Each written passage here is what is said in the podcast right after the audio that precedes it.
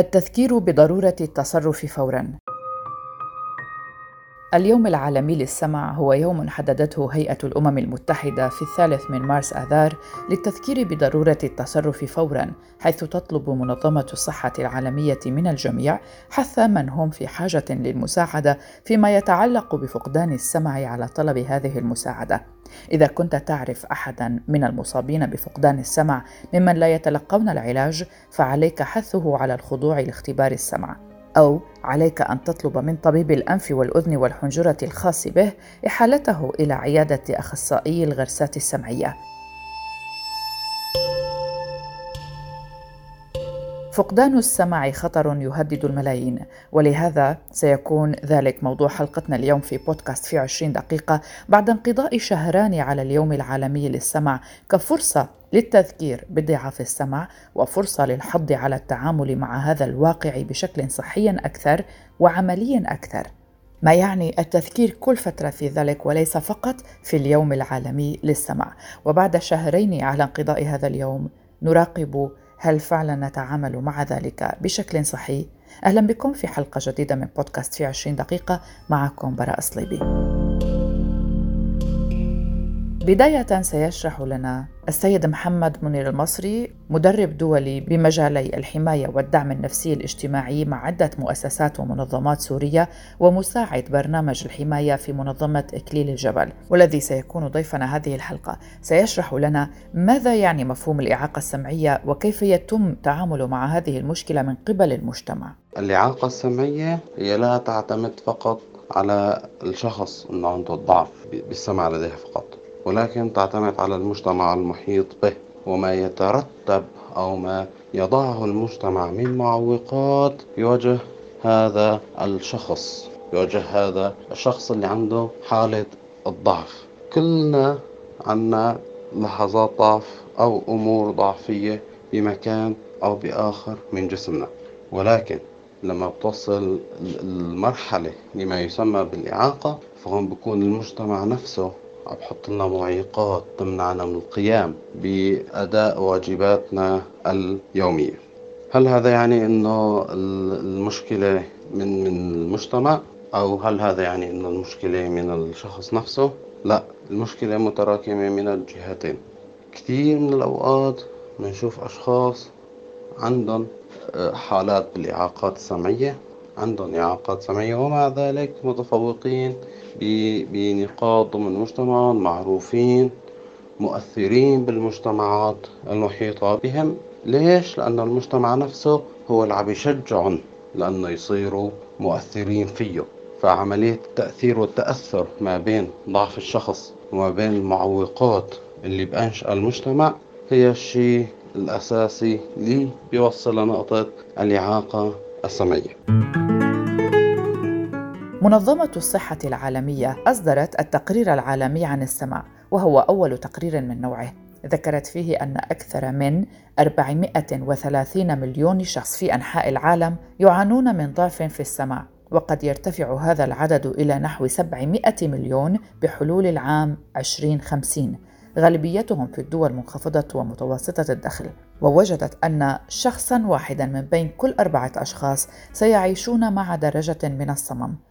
ووجد التقرير أيضا أن الكثير من الأسباب التي تؤدي لفقدان السمع يمكن الوقاية منها كما تقدر منظمة الصحة العالمية أن 60% من فقدان السمع بين الأطفال ناتج عن أسباب يمكن تجنبها وما يزيد عن نصف مليار يافع وشاب معرضون لخطر فقدان السمع الذي يمكن تجنبه والذي لا رجعة فيه إذا حدث بسبب الممارسات الشائعة كالاستماع للموسيقى الصاخبة لفترات طويلة. أيضا السيدة شيلي شادها وهي الخبيرة في منظمة الصحة العالمية قالت إن النقطة المهمة في الأمر أننا نعرف كيف نمنع ذلك أو على الأقل كيفية الحد من حصول الكثير منه. من جهته أوضح مدير منظمة الصحة العالمية أنه يمكن أن يكون لحالات فقدان السمع التي لم يتم علاجها تأثير مدمر على قدرة الشخص على التواصل والدراسة وكسب العيش، كما يمكن أن يؤثر أيضا على صحتهم النفسية وعلاقاتهم سواء العملية والشخصية. ضيفنا محمد منير المصري مدرب دولي بمجال الحماية والدعم النفسي الاجتماعي ومساعد برنامج الحماية سيخبرنا الآن عن كيفية التعامل مع الأطفال واليافعين ممن لديهم مشاكل في السمع طبعا أول نقطة هي تزويد الطفل اللي عنده الإعاقة السمعية قدر الإمكان بأنشطة مختلفة تساعد على تشكيل اتجاهات إيجابية لديه. النقطة الثانية تشجيع الطفل اللي عنده هاي الإعاقة على ارتداء سماعات أطول فترة ممكنة. آه، ممكن نحن ككبار في حال أصبنا بالإعاقة السمعية واضطرينا للبس السماعات فنحن بكون عنا الوضع أيسر بعض الشيء. ولكن بالنسبة للأطفال الصغار فبكون عندهم شوي حساسية من هذا الموضوع. فمن المهم جدا كآباء كأمهات كمجتمع محيط نحن نشجع هدول الأطفال على لبس السماعات مو إنه نقعد نتنمر عليهم لأنه هن لابسينها فهذا الشي بيضر بالطفل أكثر ما إنه بفيده. النقطة الثالثة إنه ننظر لهذا الطفل أو الطفلة على مبدأ ما يستطيع أو ما تستطيع القيام به. وليس على مبدأ الشي اللي ما بيقدروا يساووا هاي نقطة كتير مهمة وكتير بتحفز الطفل أو الطفلة لأنه ينخرطوا بقلب المجتمع مع الوقت. آه للأسف نحن دائما نقع بوحدة من التنتين. يا أما بكون في حالة تنمر على هذا الطفل وإساءة وإن كانت غير متقصدة أو حالة ما يسمى بالحماية الزائدة. هلأ اثنيناتهم بيضروا فلازم نحن نحاول قدر الإمكان نوازن ما بين الاثنين. ممكن يكون هو أو هي عندهم مشكلات سمعية ممكن يوصلوا مرحلة إنه ما يقدروا يسمعوا ولكن هنا بيقدروا يستقلوا. موضوع يضلوا مرتبطين فينا بشكل دائم. شي كتير حلو إنه إحنا نفصلهم نعمل لهم شوية استقلالية. نتجنب ما يسمى بالحماية الزائدة اللي هي المشكلة اللي بقع فيها دائما الآباء في حالات الأطفال اللي عندهم أي نوع من أنواع الإعاقة بشكل عام مو بس الإعاقة السمعية. هلأ الإعاقة السمعية بتكون بشكل أكبر بس كتير مهم نعرف إنه صح. مثلا ابني أو أخوي أو أبوي أو أي أحد من أقاربي عنده ما بيقدر يسمع عنده إعاقة سمعية شديدة ولكنه بيقدر يشوف بيقدر يتحرك بيقدر يفهم. فهو ممكن يكون مستقل عننا. بحسب دكتور هالة صقر المستشارة الإقليمية للعنف والإصابات والإعاقة بمنظمة الصحة العالمية وفي حوار لها أجرته مع أخبار الأمم المتحدة بمناسبة اليوم العالمي للسمع هذه السنة قالت صقر نحن نعلم أن سكان العالم ازدادوا بشكل عام كثيرا في الأعوام الأخيرة. بالإضافة إلى ارتفاع عدد ونسبة كبار السن والتقدم بالسن يؤدي أيضا إلى انخفاض في الأداء الوظيفي بشكل عام بما في ذلك القدرة على السمع فهذا يرفع النسبة أيضا. إلى جانب ذلك تقول أن التحضر أي الانتقال إلى المدن والكثافة السكانية في المدن والتكنولوجيا الحديثة والتعامل معها وزيادة الضجيج والضوضاء كل ذلك يؤدي إلى فقدان السمع للأسف الذي يبدأ في مرحلة مبكرة كمرحلة الشباب أو الضوضاء الناتجة عن مواقع العمل كمواقع البناء أحيانا. ثمة أسباب أخرى لفقدان السمع مثل بعض الأمراض المعدية وبعض الأمراض الوراثية أو الجينية وبعض المضاعفات التي قد تحدث للأم خلال فترة الحمل والولادة واستخدام بعض الأدوية بدون استشارة طبية أو تعليمات من الأطباء. وهذا من المشاكل التي تؤثر على الصحة العمومية في العالم بأسره. بعض هذه الأدوية تكون سامة للأذن وتؤدي إلى فقدان السمع على مستخدميها. سننتقل إلى القاعدة 60 60 حثت الهيئة العامة للغذاء والدواء بتقليل مستوى الصوت وعدم وصوله خلال الاستماع إلى نسبة 100% لتحقيق السماع الآمن إضافة إلى تقليل التعرض للضوضاء والأصوات المرتفعة واتباع قاعدة 60-60 وتعني عدم زيادة الاستماع عن 60 دقيقة خلال اليوم باستخدام 60% من مستوى الصوت. التعرض المستمر للضوضاء والضجيج يسبب الكثير من الآثار السلبية على صحة الإنسان ومعدل نشاطه وتحديدا على حاسة السمع. لذلك ينصح أخصائيو السمع باستخدام سدادات الأذن قبل دخول الأماكن الصاخبة وذلك لحماية الأذن من الأصوات العالية. ومن الصعوبات اليومية للحفاظ على حاسة السمع أن الحياة والتقنيات الحديثة مثل السيارات والطائرات والأشكال الأخرى من التقنيات قد تجعلنا نتعرض لضوضاء بيئية أكثر من ذي قبل. فإذا كان لابد أن يكون مستوى الضوضاء أقل من 25 ديسيبل وهي وحدة قياس مستوى شدة الصوت لكي يستطيع الإنسان النوم والراحة فإن الأحاديث الاعتيادية مع الآخرين تصل إلى نحو 60 ديسيبل. وازدحام السيارات يصل إلى نحو 70 وهو ما يعادل ضوضاء المكنسة الكهربائية في المنزل. كذلك فإن مجفف الشعر يصل إلى 90 والإنسان لا يستطيع التركيز والتفكير إذا زاد مستوى شدة الصوت عن 65 ديسبل وأما إذا تعدت ال 85 فيعتبر ذلك سيئا لصحة الإنسان بل وخطيرا. علما أن القطارات ومحطات المترو والدراجات النارية تحدث حوالي 100 ديسبل والطائرات النفاثة تحدث أكثر من 120 يقال عن الشخص الذي لا يستطيع أن يسمع بالجودة نفسها التي يسمع بها الشخص الذي يتمتع بالسمع العادي إنه مصاب بفقدان السمع وعتبة السمع كما ذكرنا هي 25 ديسبل أو أفضل في كلتا الاذنين وقد يكون فقدان السمع خفيفا أو متوسطا أو شديدا أو بالغ الشدة. وقد يصيب أذنا واحدة أو كلتا الأذنين ويؤدي إلى صعوبة سماع الكلام أثناء الحوار أو الأصوات العالية ويشير مصطلح ثقال السمع إلى الأشخاص المصابين بفقدان السمع الذي يمتد طيفه بين الخفيف والشديد وعادة ما يتواصلون عن طريق لغة الكلام ويمكنهم الاستفادة من المعينات السمعية وزرع القوقعة وسائر الأجهزة المساعدة فضلا عن الشروح النصية. أما الأشخاص الصم فيعانون في معظمهم من فقدان السمع البالغ الشدة ما يعني تدني القدرة على السمع أو انعدامها وكثيرا ما يستخدم هؤلاء الأشخاص لغة الإشارة في التواصل. سنعود إلى السيد محمد منير المصري مدرب دولي بمجال الحماية والدعم النفسي والاجتماعي ومساعد برنامج الحماية للحديث أكثر عن كيفية التعامل مع من لديهم مشاكل سمع وخصوصا بين الأطفال واليافعين. من المهم جدا نعرف إنه كل ما زادت شدة الإعاقة السمعية لدى الطفل فنحن كآباء كأمهات كأصدقاء كأقارب كأخوة كمجتمع محيط تضاعفت علينا الجهود المبذولة لدى للتعامل مع هدول الأطفال أو حتى اليافعين. نقطة كثير حلوة إذا كان في يافع نحن بنعرفه شاب أو حتى بالغ أو حتى طفل فينا نقول من الأعمار المتوسطة.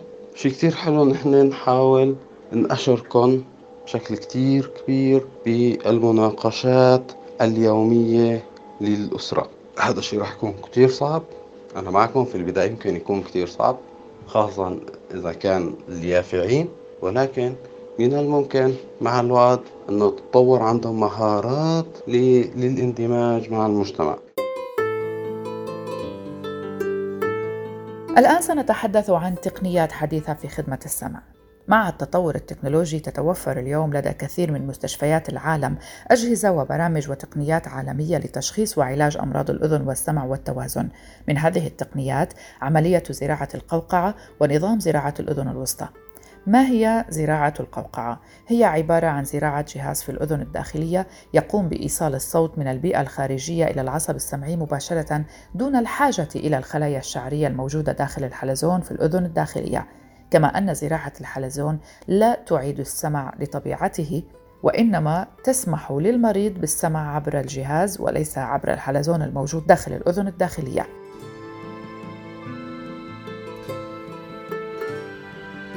هناك مرحلة تسمى مرحلة التأهيل بعد زراعة القوقعة. تحدث عنها سابقا الأستاذ الدكتور تامر مسلم وهو رئيس وحدة أمراض التخاطب والبلع بكلية الطب بجامعة الملك سعود. تحدث في صحيفة الجزيرة وقال بأن نجاح عملية زراعة القوقعة يعتمد بشكل كبير على مرحلة التأهيل مؤكدا أن الجراحة ما هي إلا مرحلة أولى ضمن مراحل زراعة القوقعة ولن تصل لكامليتها إلا بوجود اختصاصي للسمعيات واختصاصي للتخاطب وفريق تأهيل. ويؤكد الدكتور تامر الحاجة للتأهيل لما بعد الزراعة والتي قد تستمر لعدة سنوات لغاية ما يتمكن الطفل من اللغة المناسبة مشيرا إلى أهمية الاكتشاف المبكر لمشاكل السمع.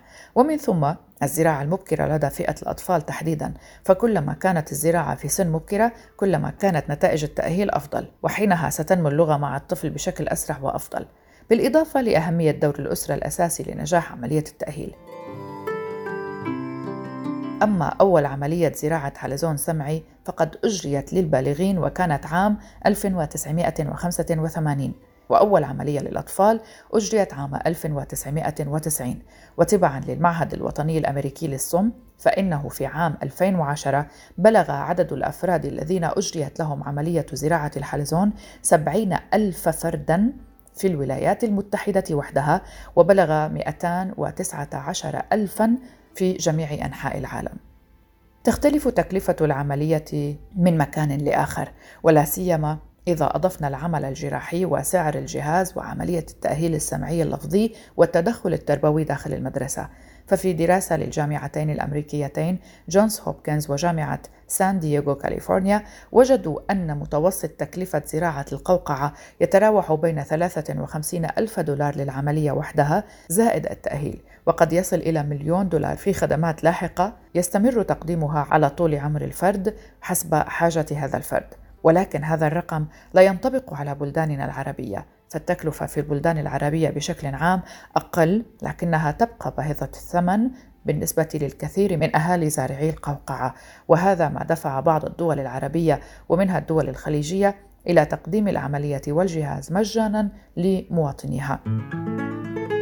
عملية زراعة الجسر الصوتي الاهتزازي في الأذن الوسطى هو نظام بديل ومبتكر مقارنة بأجهزة السمع المساعدة التقليدية.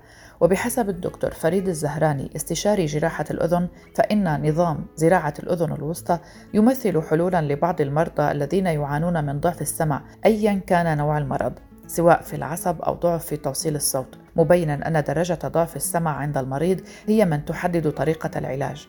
إذا كان المريض يعاني من ضعف سمعي شديد جدا أو عميق فهؤلاء يحتاجون إلى زراعة القوقعة. أما إذا كانت درجة ضعف السمع من بسيط إلى شديد وكانت هناك مشاكل مع استخدام السماعات التقليدية فينصح باستخدام السماعات الإلكترونية زراعة الأذن الوسطى. دولة الإمارات تعزز مكانتها أيضا في خارطة الصحة العالمية فقد حصدت في الشهر الأول من عام 2021 جائزتان من المنظمة الدولية لنظم المعلومات وإدارة الرعاية الصحية عن فئتي الابتكار والإنجازات في الرعاية الصحية بمجال تكنولوجيا المعلومات والصحة الرقمية ونالت وزارة الصحة ووقاية المجتمع الإماراتية المركز الأول في فئة الابتكار عن مشروع فحص السمع المبكر للمواليد حديثي الولادة الذي يعتمد على أحدث التقنيات الإلكترونية العالمية في أجهزة الكشف المبكر عن السمع وتطوير الوحدة الإلكترونية الذكية في الملف الصحي الإلكتروني وريد. كما نالت الوزارة المركز الأول عن فئة الإنجازات في الرعاية الصحية عن مشروع الوحدة الإلكترونية للجلطة الدماغية الدكتور كلثوم البلوشي مديرة إدارة المستشفيات قالت إن مشروع فحص السمع المبكر لحديثي الولادة يعتمد على إدخال تقنية مبتكرة وتطبيق ذكي ويتم تنفيذه بكافة مستشفيات الوزارة المقدمة لخدمات النساء والولادة بعد ربطه مع نظام تكنولوجيا الرعاية الصحية وريد. حيث يسهم التدخل المبكر في حصول حديثي الولادة على الرعاية الصحية المناسبة ما يحسن من فرصتهم في تطوير لغتهم وأسلوب كلامهم ومهارات التواصل فضلا عن إنشاء قاعدة بيانات إلكترونية لمتابعة حالات ضعف السمع.